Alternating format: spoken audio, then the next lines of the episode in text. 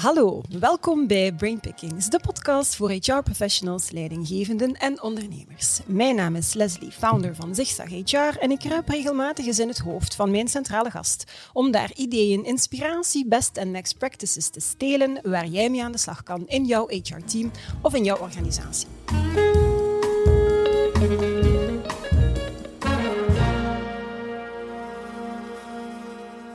Vandaag kruip ik in het hoofd van arbeidsmarktdeskundige Jan de Nees, die ondertussen al twintig jaar externe communicatie en public relations van Randstad verzorgt.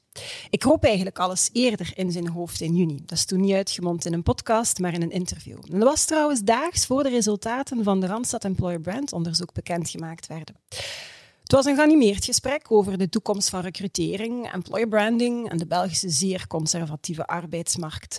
Lange loopbanen bij eenzelfde werkgever zullen nog een hele tijd blijven, zei Jan mij toen, want mensen vinden dat prima en werkgevers vinden dat ook helemaal oké.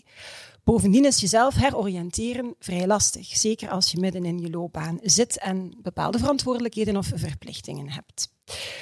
De crisis zal deze tendens waarschijnlijk versterken. Mensen zullen nog meer kiezen voor zekerheid en als er al een reshuffle komt, dan zal het initiatief ongetwijfeld bij de werkgever liggen. Voor HR is Jan kritisch. Jan is gewoon heel kritisch. Op Twitter ken ik hem als een opiniemaker die zijn opinies stevig onderbouwt over de arbeidsmarkt en of die nu stilgevallen is of niet, over de werkzaamheidsgraad en over employer branding natuurlijk. Of over levenslang leren, waar ze bij Randstad behoorlijk op inzetten, en over telewerk. Jan is ook supporter van Club Brugge. Ik ken niets van voetbal, ik heb geen idee of dat goed is of slecht. Bij ons thuis zijn ze voor Gent en voor Anderlecht, dat weet ik wel. En hoe meer ik erbij stilsta, hoe zenuwachtig ik eigenlijk word bij het idee van het feit dat ik effectief nu in het hoofd ga kruipen van Jan de Nijs. Dag Jan, welkom. Hey Leslie. Hallo, alles goed met jou? Ja, we kunnen zeker niet klagen. Absoluut. Je kunt zeker niet klagen, dat is fijn om horen. Jan, er is iets heel merkwaardigs gaande in de verslaggeving over de arbeidsmarkt. Schreef je onlangs in een opiniestuk dat uh, in ons decembernummer van Zeg Zeg het jaar ook te lezen is. Wie in de verre toekomst zou terugkijken op deze periode en er de media zou op naslaan, zou wel eens de indruk kunnen krijgen dat de publieke arbeidsmarkt de middelaarse toneel beheersen. Nochtans is er sinds twintig jaar een en ander veranderd. Dat vraagt om uitleg. Kan je bij wijze van opwarmertje die uitleg verschaffen? Ja, ja, dat is eigenlijk al een hele stevige, stevige binnenkomer, want uh, ja, dat klopt. Hè. Ik bedoel, mm. uh, gewoon even uh, ja, we zijn 50 jaar verder en we kijken terug op uh, de, ja, de verslaggeving, de dag van vandaag over, uh, maar ook over de arbeidsmarkt. Dan zou je, als je puur kijkt naar de media, de indruk hebben dat uh, de publieke spelers, en dan vooral de, dus de VDAB's mm -hmm. van mhm. deze wereld, de Actiris, voor, dat die eigenlijk het toneel beheersen. Mm -hmm. hè, dat die ja, eigenlijk bijna voor alles instaan. Dat is op zijn zachtst gezegd, ja, toch wel een beetje een aanfluiting van de werkelijkheid. Mm -hmm. hè. Mhm. Dus de, en dat is, al, uh, dat is een situatie die zich eigenlijk al uh, 20, 30 jaar niet meer voordoet. Hè. Dus intussen hebben we een hybride, meer hybride model, hè, waarbij zowel publieke als private spelers belangrijk zijn. Uh, alleen merk je dat niet. Hè? Mm -hmm. Dus uh, sla de kranten open, dan is het de VDAB heeft dit gedaan. Nogmaals, voor alle duidelijkheid ook geen kritiek op de VDAB, hè, want die dingen hebben ze allemaal gedaan. Alleen het, het breder plaatje mm -hmm. en met Mhm. alle arbeidsmarktactoren. En dan hebben we het over publieke spelers, ook over social profit, want daar uh, gebeurt ook een en ander. En dan de profit. Mm -hmm. Dus heel dat, dat, dat, dat ecosysteem, dat komt eigenlijk niet aan bod. Want dat is eigenlijk de nieuwe realiteit. Hè. Ja. Het is absoluut geen, geen gegeven dat uh, publieke spelers het uh, ja, op de arbeidsmarkt het spel beheersen. Je hebt eerst en vooral het marktgegeven, de privé, maar dat zijn per definitie privéspelers. Hè, op placement, werving en selectie, uh, uitzendarbeid, ja, noem, het, uh, noem het allemaal maar op. Dan heb je ook nog het arbeidsmarktbeleid van de overheid. Mm -hmm. ja, ook daar is alles gigantisch veranderd. Hè. Dus het oude model was, oké, okay, we hebben een arbeidsmarktbeleid en we hebben een publieke speler die dat allemaal uitvoert. Hè. Die dus de werklozen uh, terug naar de arbeidsmarkt brengt, uh, opleiding verzorgt. Ja, ook dat bestaat niet meer. Mm -hmm. hè. Dus dat arbeidsmarktbeleid wordt oké okay, geconcipieerd.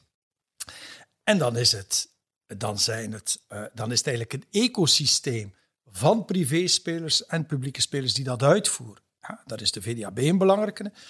Wij begeleiden duizenden mensen op jaarbasis naar de arbeidsmarkt. In opdracht. Hè. Dus niet als puur marktgegeven, maar in, in opdracht, in een contractuele relatie met, uh, met de overheid. Dus heel dat, dat, ja, eigenlijk is het ecosysteem, wat, dat is eigenlijk de, de beste manier om er naar te kijken, komt eigenlijk heel weinig aan bod in, in, in de berichtgeving. Dus die verschillende spelers, die, uh, die met elkaar concurreren, die ook complementair zijn ten opzichte van elkaar.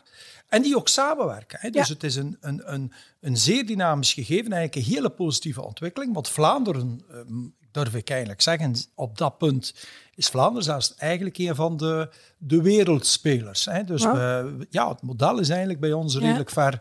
Als je alleen maar kijkt naar onze vacatures, ja, al onze vacatures verschijnen bijna op hetzelfde moment ook op de, um, uh, op de, de, de, uh, ja, de, in de tabellen bij wijze van spreken mm -hmm. van, van de VDAB. Ja. Hè? Dus, uh, dus ja, je hebt daar echt een bijna volledig geïntegreerd systeem. Mm -hmm. um, ja, dat kun je eigenlijk niet meer met, uh, met het woord VDAB labelen. Eigenlijk zou men mm -hmm. daar zelfs een nieuw woord moeten voor uitvinden. Want ja. ook, het, ook, ook het gezegde VDAB en partners doet eigenlijk geen recht aan het gegeven. Dat doet eigenlijk een beetje onrecht aan de partners. Hè. -hmm. Die partners zijn op zich, als je het allemaal optelt, zelfs een stuk belangrijker dan ja. de VDAB. Het zit dan misschien vooral een stuk inderdaad dat je zegt in het gebrek uh, aan transparantie, omdat VDAB daar een stukje een dubbele rol in opneemt. Ze zijn tegelijkertijd actor, maar dan ook ja, regisseur. En ja. ik vermoed dat dat niet altijd helder is voor uh, Nee, mensen. dat klopt. En goed, goed dat je het ook nog even aanhaalt, uh, Leslie, want ja, dat vergeet ik er dikwijls bij te zeggen. Dat is natuurlijk een extra complexiteit. Mm -hmm. hè? Dus ik heb al gezegd, we hebben dat ecosysteem. En uiteraard is het goed dat daar boven een regisseur staat. Mm. Ja, en dat is dan per definitie is dat de, is dat de publieke speler. Hè? Dus de, de regisseur is, moet publiek zijn en dat is dan de VDAB. Maar het, het, het, het complexe is en het, wat, wat de zaken in verwarring brengt en eigenlijk een beetje een weeffout is, hè, zoals ik het noem, is dat de VDAB ook de actor is. Ja? En dus ja, is enerzijds een actor met een heleboel andere actoren, maar is ook regisseur. Je weet, als ze communiceren is het heel dikwijls zelfs niet, is dat nu als regisseur dan als actor. De, ja, ik heb al lang gepleit dat daar een, een veel grotere scheiding en duidelijke, duidelijk verschil zou worden aangegeven. Ja, dat gebeurt nog altijd niet. Dat vind ik eigenlijk wel een beetje tekortkoming uh, van het beleid. Nu, Uh, vanuit het perspectief van HR en de klanten is dat natuurlijk ietsje minder belangrijk, want eigenlijk kan hen dat allemaal niet veel schelen. Dit is eigenlijk een beetje een, een zicht, een, een macro-zicht over hoe dat mm -hmm. we onze arbeidsmarkt moeten inrichten. En dan denk ik dat we op dat punt eigenlijk nog een uh, stap uh, vooruit moeten gaan. Ja, naar wat meer ja. transparantie ja. inderdaad en afbakening. Ja. Nu, um, en je zei het inderdaad net, je hebt dus naast die publieke spelers private spelers, dat de ontwikkelingen aan die privézijde staan in ieder geval niet stil. Hè. Na opkomst, uitzend, werving, selectiekantoren heb je dan ook nog de nieuwe spelers, Facebook, hè, Google, um, LinkedIn, Instagram, noem maar verder. Hoe heeft de uitzendsector in het algemeen, en misschien Randstad in bijzonder, die ja, disruptie als ik het dan ja. zo mag noemen, verteerd. Ja, wel, sowieso mag, mag je het geen disruptie nee, noemen. Ik, hè? Want, ik dacht dat ik... Want, ja. die ontwikkeling, want die ontwikkeling is eigenlijk al twi- is, ja. zeker twintig jaar bezig. Maar mm. het is een belangrijke ontwikkeling. Hè? Dus inderdaad, dat model wat ik daarnet heb geschetst, is nog een beetje, is nog een beetje 20e eeuws, als mm. het ware. Hè? Met de publieke, de VDAB en dan de uitzend, de werving en selectie, mm. all placement. Tussen is de wereld veranderd. En dat was al eind jaren 90. Monster, Stepstone, hè? de jobboards. dat is eind jaren 90. Ja, op dat ogenblik was het ook zo van, ho, die, die, gaan dat hier overnemen. hè? Zelfs de VDAB. Ik, mm. Al de teksten, uh, ik moet die nog eens uh, opnieuw opsnorren. Want de VDAB zei van, ja, bon, uh, de traditionele intermediairen gaan verdwijnen. Hè? Dus dat gaat allemaal worden overgenomen. Ja. Dat is dus uiteraard niet, niet, niet gebeurd. Ja? Maar um, om terug te komen nu, inderdaad, nu krijg je een nieuw type speler. Ja? Mm -hmm. dan heb je het niet meer over die... Uh, die jobboards, um, die vacature-sites, die, die uiteraard ook belangrijk zijn, maar eigenlijk nog een veel krachtiger uh, actor. En dat zijn de Googles ja. hè, en de Facebooken en de, van deze wereld. Om, en waarom is dat? Ja, dat zijn gewoon spelers van een, van een andere orde. Mm -hmm. hè? Dus alleen al de, de, de marktmacht van een Google ja, daar kun je je eventjes uh, mm. niet zoveel bij voorstellen. Dat is een, een speler buiten categorie. En, en het grappige is dat, dat Google zelf er natuurlijk alles aan doet om dat zoveel mogelijk te relativeren. Dus ik gaan zeggen, nee, nee, we zijn helemaal niet zo belangrijk. Eh, de mensen komen, komen zoeken, maar dan gaan ze zo snel mogelijk. En ik, ik twijfel niet aan de bedoelingen van, van Google. Sowieso mhm. kan ik niet in hun hoofden kijken, hè, wat jij nu wel bij mij doet. Ik kan dat niet bij, bij. Google in geen geval. Ik probeer te kijken naar de feiten. En dan zie je nu al dat zeer veel mensen dat de toegangspoort tot de arbeidsmarkt mhm. via Google verloopt. Ja. Dat is een enorme macht. En, en dan kom je weer bij iets heel vreemds. Dat is dat in de jaren negentig, toen dus de privésector ja, uh, op het toneel verscheen en, en naast de publieke spelers, hè, dus een beetje het bruggetje naar wat we zo net hebben besproken, mhm. dat het hele vreemde is dat toen in de jaren negentig er een enorme ja, urgency was van, oh, let op, hè, en zeer gevaarlijk voor de publieke speler. En we moeten licent, en we moeten controleren, en we moeten dat allemaal zeer goed monitoren. En nu komen er spelers die vele keren krachtiger en machtiger zijn en, en er dieper doorgaan. Uh, en niet alleen in België, maar wereldwijd. Mhm. het, is, het is fascinerend om te zien hoe Google, ja, bij wijze van spreken, zijn plaats opneemt in, in alle landen waar wij als Randstad aanwezig zijn. Mhm. en, en bijna op een redelijk gelijke manier. Het is, je zou bijna zeggen het is een complot, maar het is geen mhm. complot. Het is gewoon een hele sterke strategie die doorheen alle mogelijke instituties gaat. Want arbeidsmarkten zijn zeer lokaal en, mhm. en, en uh, dat verschilt ontzettend. Maar Google trekt zich daar aan. Maar bedoel, Google is, is zo sterk op dat punt dat ze daar eigenlijk dwars doorheen snijden en eigenlijk in bijna alle landen een redelijk identieke positie mhm. hebben. En dan vind ik het heel vreemd dat ik een van de weinigen ben, hè, van de weinige arbeidsmarktwatchers, hè, experten, die zeggen van jongens, dat is toch wel eens belangrijk om daar naar te kijken. Mm vakbonden. Ik heb de vakbonden daar nog niet over gehoord. Natuurlijk, je kunt geen Google-kantoor binnenstormen om een actie te voeren. Hè. mhm. je moet natuurlijk, het, het is een nieuwe situatie op de mhm. arbeidsmarkt. Ja. Uh, en let op, daarmee geef ik niet aan slecht, goed. Eerst even vaststellen, dit is de situatie. Hè? Uh, en daar zullen goede ontwikkelingen aan vast, maar wellicht ook een paar waar we ons zorgen moeten over maken. Mhm. Dus dat denk ik is een beetje de uitdaging voor, uh, voor de komende jaren. Heel spannend. Ja, dus, uh, het houdt de bestaande actoren scherp op zijn zacht Absoluut, gezegd. absoluut. Want dat is de vraag, hoe is het dan naar jullie gekomen? Wel, ik stel vast. Ja. Uh, dat, en dat staat ook in het artikel, hè, dus dat um, uitzendarbeid uh, bestaat intussen lang, hè, 60 mm -hmm. jaar. Hè. Randstad bestaat 60 jaar, uitzendarbeid is zelfs nog iets ouder. Hè, dus is eigenlijk al een, een klassieke speler. Mm -hmm. Uitzendarbeid is, goh, laten we zeggen, van het einde van de jaren 70, 30 jaar al een stuk gegroeid, onafgebroken. Mm -hmm. ja, dat was een, een uh, ja, ook recessie kon daar bijna geen deuk in slaan van eind jaren 70 tot 2008, financiële crisis, onafgebroken stijgen. Ja. ja. Financiële crisis, uitzendarbeid krijgt een gigantische klap. Niet meer meegemaakt sinds, uh, sinds de jaren 70. En het rare is dat uitzendarbeid daar heel traag van herstelde. Dus ik mhm. dacht op een bepaald ogenblik ook als watcher, zo van, misschien zitten we wel aan een soort historisch plafond. Ja, Want we, we, stegen, maar dan daalden we weer. We hadden daar nog die nieuwe recessie in 2013. Mm en ik dacht, zo 2014, van zitten we niet aan een historisch plafond? Het was bijna alsof het om deed. Vanaf 2015 Terug. was uit. En, heel belangrijk, hing nog fors boven het, het record van 2008. Hè. Dus tussen 2015 en 2020 is uitzendarbeid nog gestegen naar 3% penetratiegraad. Dat is veel, anderzijds ook niet veel, want dat mhm. betekent dat 97% de gewone contracten zijn tijdelijk, maar 3% maar in historisch opzicht is dat natuurlijk wel ja. veel. Ja? Dus blijkbaar, ook in het vorige decennium, heeft uitzendarbeid zich verder ontwikkeld, uh, nieuwe markten ontdekt mm. en zich uh, op die manier uh, ja, dieper genesteld in de arbeidsmarkt. En eigenlijk kun je zeggen in 2020, hè, dat is dan een bruggetje mm. eigenlijk naar denk ik het, het volgende punt, ook in coronatijden, de pandemie, mm. ook in tijden van de pandemie, uh, is er, uh, ja, is, heeft uitzendarbeid heel duidelijk aangetoond waarom het zo belangrijk is en hoe snel het kan inspelen op de situatie. Mm Ehm, dus ja, ik denk dat je inderdaad heel duidelijk hebt gemaakt dat jullie belangen nog niet aan het einde van de, Hm. de ontwikkeling zijn. Jullie nemen Hm. een zeer belangrijke rol op op die arbeidsmarkt. Ehm, en dat is ja ook wel eh, gebleken op verschillende manieren de afgelopen maanden. Hm. Ja. Kan je misschien eerst toelichten hoe, hoe groot, want ja, als buitenstaander kijk je daarnaar, maar hoe Ja. groot was die impact dan? Dat was gigantisch. Hè. Hoeveel Ehm, mensen, hoeveel... Wel, ja, eh, een paar cijfertjes. Hè. Dus ehm, toen eh, de pandemie toesloeg, Mhm. ja, eh, hebben we een, een daling gekend van 50.000 uitzendjobs. Dus dat Amai. 50.000 uitzendjobs verdwenen. Ja. Ja. Grof geschetst van een goede 120 naar 70.000.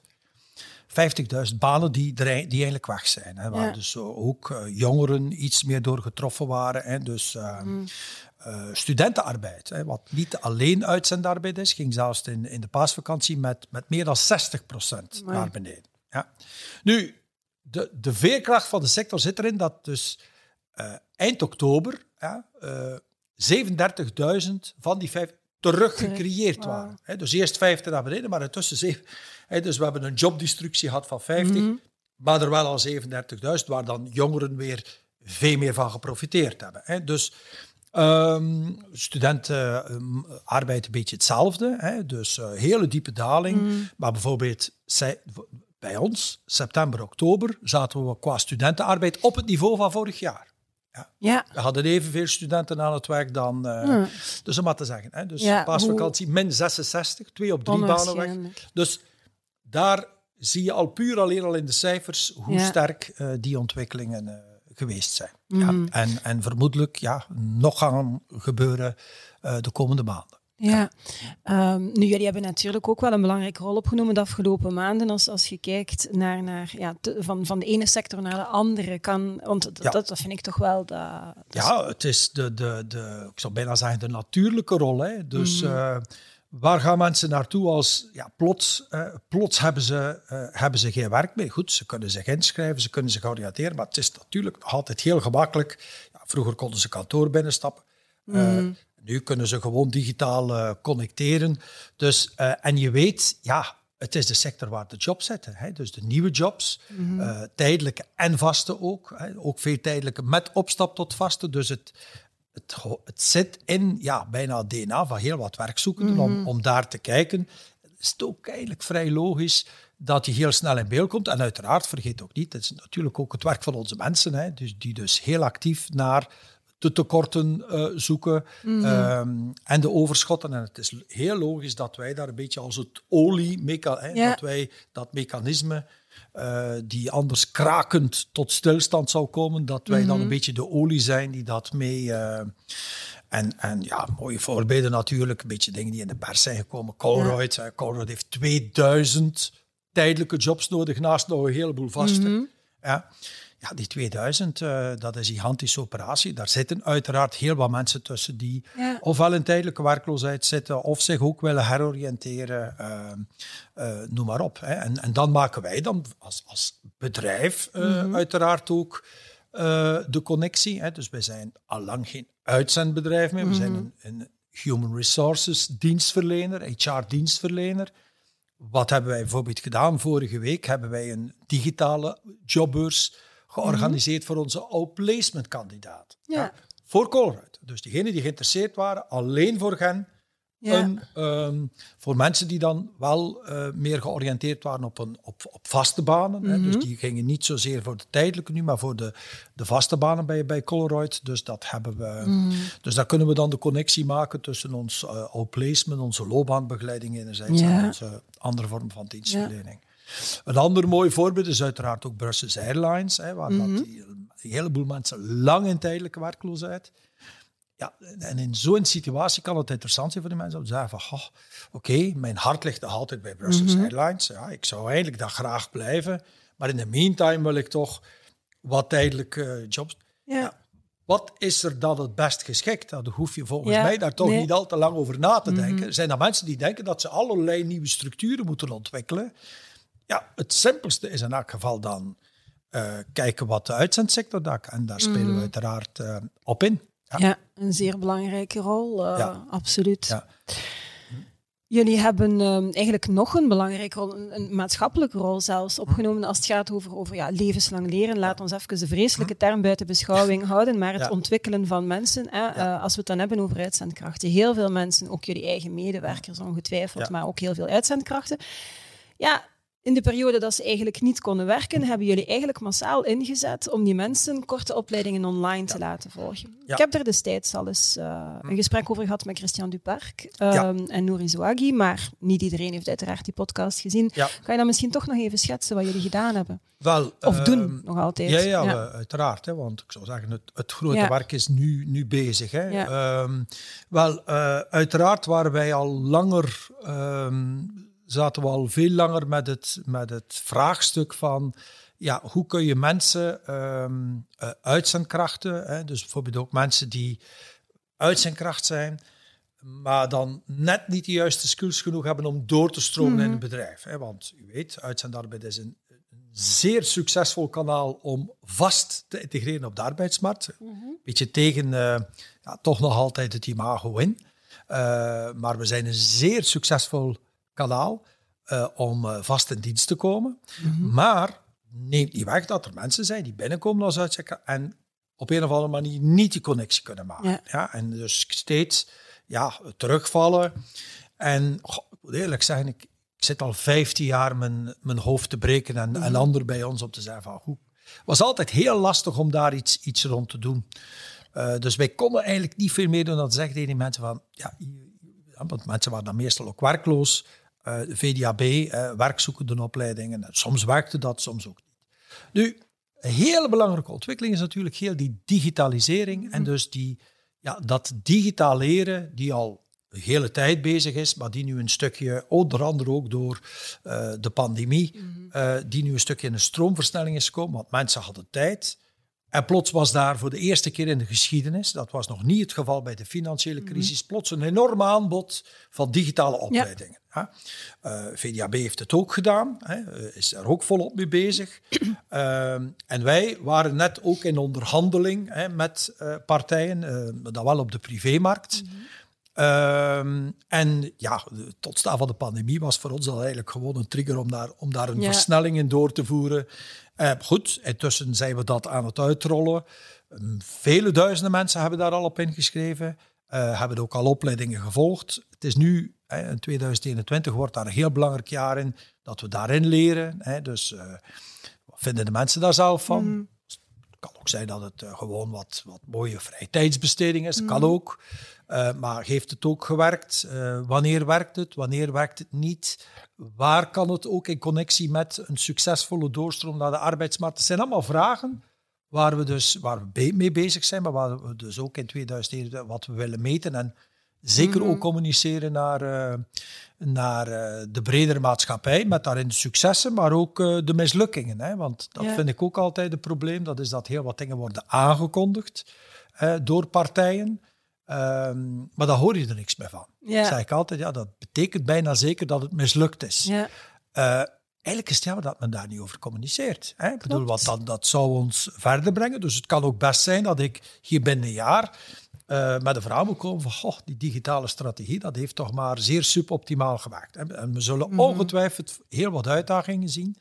Maar uh, bon, ik vind het wel een heel, uh, hele beloftevolle nieuwe ontwikkeling.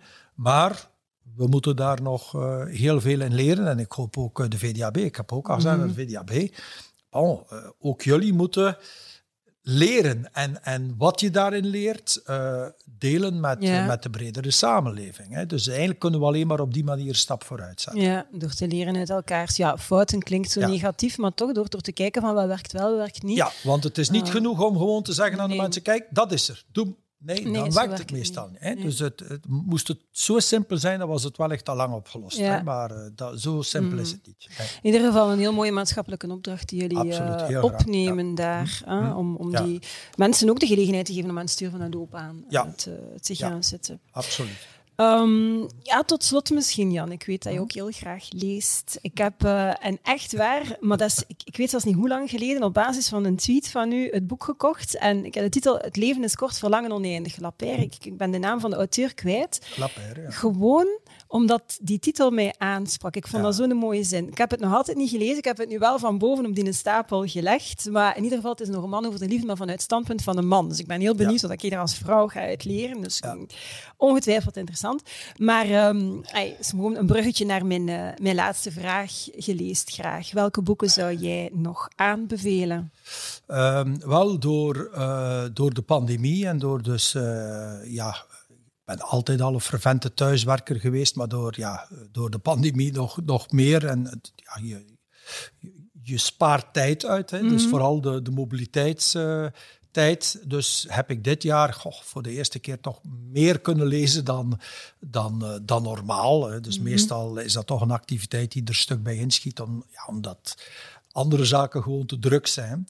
Uh, dus ik heb iets meer dan gemiddeld uh, kunnen, uh, kunnen lezen. En ja, ik, ik, dat is uiteraard iets wat ik, wat ik wil behouden. Want ja, die, die, de titel van dat vorige boek is mhm. natuurlijk belangrijk. Hè. Het leven is kort, het wordt altijd maar korter. hè, terwijl, ik spreek nu van mezelf, het verlangen uh, even oneindig blijft. hè. Dus die, die spanning wordt bij wijze van spreken zelfs groter. Maar twee, ik ga twee boeken kort uh, meegeven die, die op mij een zeer grote indruk hebben gemaakt. Uh, misschien eerst en vooral De Jaren. Hè. Mm -hmm. De Jaren van Annie Arnoux. Mm -hmm een, een, fantastisch boek. Uh, een Franse schrijfster, rond de 80 jaar, die eigenlijk uh, een, een collectieve auto, autobiografie schrijft. De meeste biografieën zijn mm -hmm. individueel vanuit hun eigen standpunt. Dus zij connecteert haar persoonlijke biografie met ja, de evoluerende tijdsgeest en wow. Dus, en dat gaat dus over meer dan 60 jaar.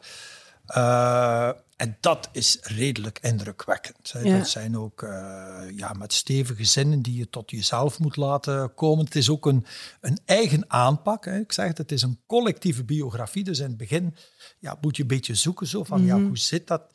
Um, en ze beschrijft zo heel goed hoe ja, die fundamentele veranderingen die plaatsvinden. En dat, dat is eigenlijk een beetje een uh, stokpaardje van mij nooit veranderingen zijn die er van de ene dag op de andere nee. komen. Hè. Dus die, die disrupt, het, die gaan geleidelijk. Ja. Ze mm. beschrijft heel mooi hoe ja, de massamedia uh, ja, hun belang krijgen. Hè. Dus ik kom zelf, en het is natuurlijk ook een stukje herkenbaar, mm. ik kom nog uit de tijd waar dat jaren 60, media nog niet zo alomtegenwoordig. Mm. Dat is zo systematisch gegroeid. Die kunnen we ons bijna niet meer voorstellen nee. dat er tijd is geweest.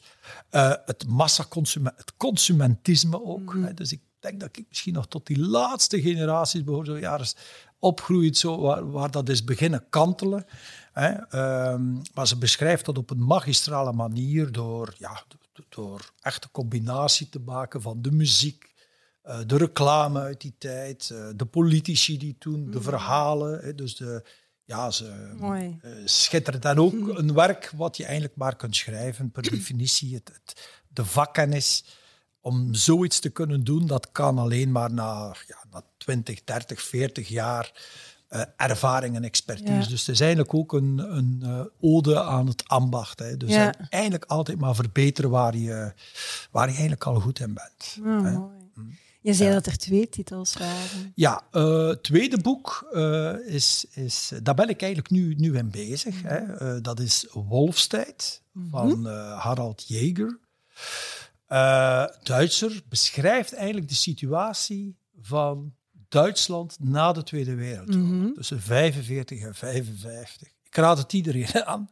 Alleen al, als je dat boek leest, dan zul je meteen merken van als jullie denken dat wij hier in uh, hele spannende tijden en, en zwaar deprimerende tijden zijn, dan ga je heel snel van dat gevoel af zijn. Mm -hmm. Want in vergelijking met wat die mensen hebben meegemaakt, stelt wat wij nu meemaken, en voor alle duidelijkheid, uiteraard zijn wij geprivilegeerd. Mm. Er zijn mensen die het uiteraard veel lastiger hebben. Maar ik heb het nu eventjes echt als samenleving. Mm ja, ja, dat stelt dat eigenlijk met moeite iets voor. Ja. Dus hij beschrijft onder andere ook de arbeidsmarkt. En wij hebben het nu heel graag over reskilling. En, en ja. wel, reskilling, ik kan u garanderen, 45, dat was reskilling. Hè. 20, 30, 40 procent van de mensen moesten een nieuw vak leren. Ja? Dat zijn cijfers dat we niet meer kennen nu. Mhm. ja. Dus nu spreken we overal uh, heel, heel erg. Er gaan misschien 2, 3 procent van onze banen gaan, gaan verdwijnen. Ja, toen spraken we over tientallen procent. Er waren op zijn minst 10 miljoen mensen die vanuit het buitenland naar Duitsland moesten. Mensen die verdreven waren uit hun... Mhm. Dus heel die maatschappij was op drift. En de Duitsers zijn er maar in geslaagd om dat dus allemaal eindelijk tot een goed einde te brengen. Ik denk niet dat de Duitsers een superras zijn. Hè? Zeker al niet met de connotatie die we nu hebben.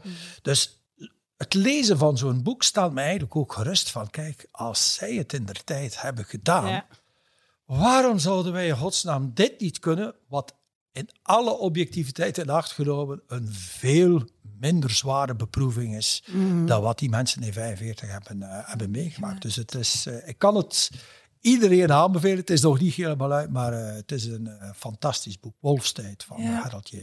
Mooie, twee mooie tips. En, en ik volg ook effectief dat het, uh, dat het kan helpen door terug te kijken naar het verleden en te zien wat er toen gebeurd is om de zaken in perspectief te plaatsen. Het is helemaal niet uniek. Het is helemaal niet uniek. Er staat vandaag een, een mooi opiniestuk in de Standaard die zegt van pandemie, mm -hmm. uh, ja, de pandemieën. Voor ons in het Westen, hè, in, in België, is de pandemie is uniek. Het is de eerste keer dat ik het meemaak. Mm -hmm. en, en, en ook, dus voor ons is het uniek. Maar voor vele mensen in de wereld is dat helemaal mm. niet uniek. En als wij een klein beetje verder teruggaan in de tijd, ja, dan hadden we hier ook al de Spaanse griep, die zeer, zeer indrukwekkend is mm. geweest. dus uh, het is allemaal niet zo uitzonderlijk. Hè? Nee. Dus uh, oké, okay, we maken het mee. Uh, er zijn best wat uitdagingen.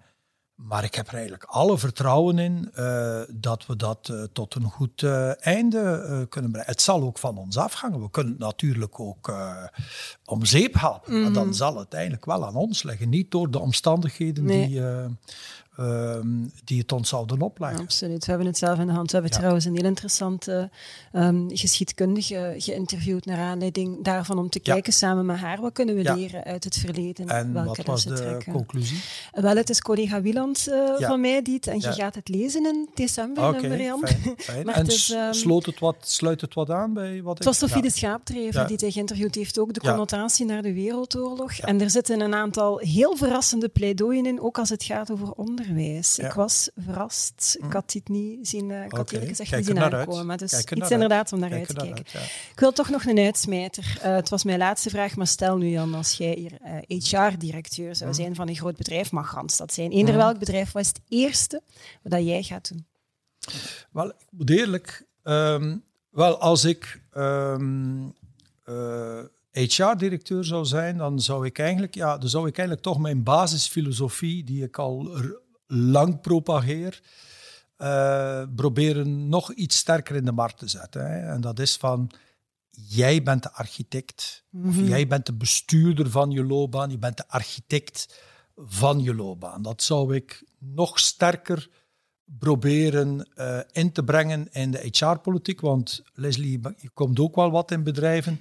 Laat ons eerlijk zijn, onze HR-bedrijven, onze, uh, onze bedrijven en de afdelingen daarbinnen, worstelen daarmee. Mhm. ja? Uh, zij kijken toch nog altijd naar hun interne arbeidsmarkt. Hè. Ik denk dat ik dat trouwens ook in het vorige gesprek heb aangegeven.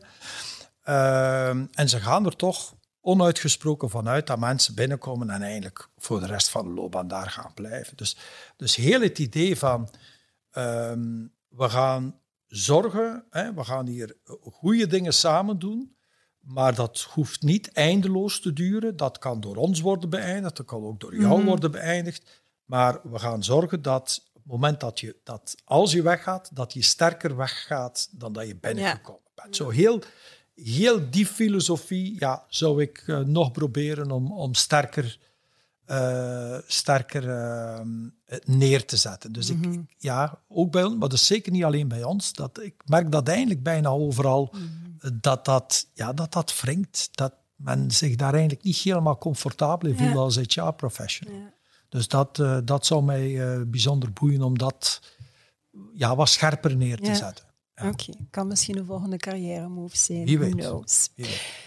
Dankjewel. Ik denk dat we het hier ongeveer kunnen uh, bij laten. Dankjewel dat ik in jouw hoofd mocht kruipen. Ik hoop dat het niet te veel pijn heeft gedaan. In geen geval. Um, alright. Dankjewel ook uh, aan jullie om, uh, om te kijken en om te luisteren. de volgende keer kruip ik in het hoofd van Elke van Hoof. Dat ga ik de komende maanden trouwens een aantal keer doen, want er valt daar best veel te stelen, heb ik begrepen. Met de slagzin Rethink Stress Reshape Society vertaalt professor Elke van Hoof op een heel unieke manier de wetenschap naar de werkvloer en naar de samenleving. En dat wil jij voor geen geld ter wereld missen. Abonneer je dus zeker op dit YouTube-kanaal en dan krijg jij heel regelmatig in de kerstvakantie zelfs elke dag een portie kakelverse inspiratie om de dag mee te starten als dat geen goed nieuws is. Heb je honger naar nog meer, kan je natuurlijk altijd abonneren op onze nieuwsbrief. Ga eens naar de website. Het staat daar echt boordevol interessante content over HR en de toekomst van HR. En don't forget, allerbelangrijkste les van al, uh, it's a great time to be in HR. Tot de volgende!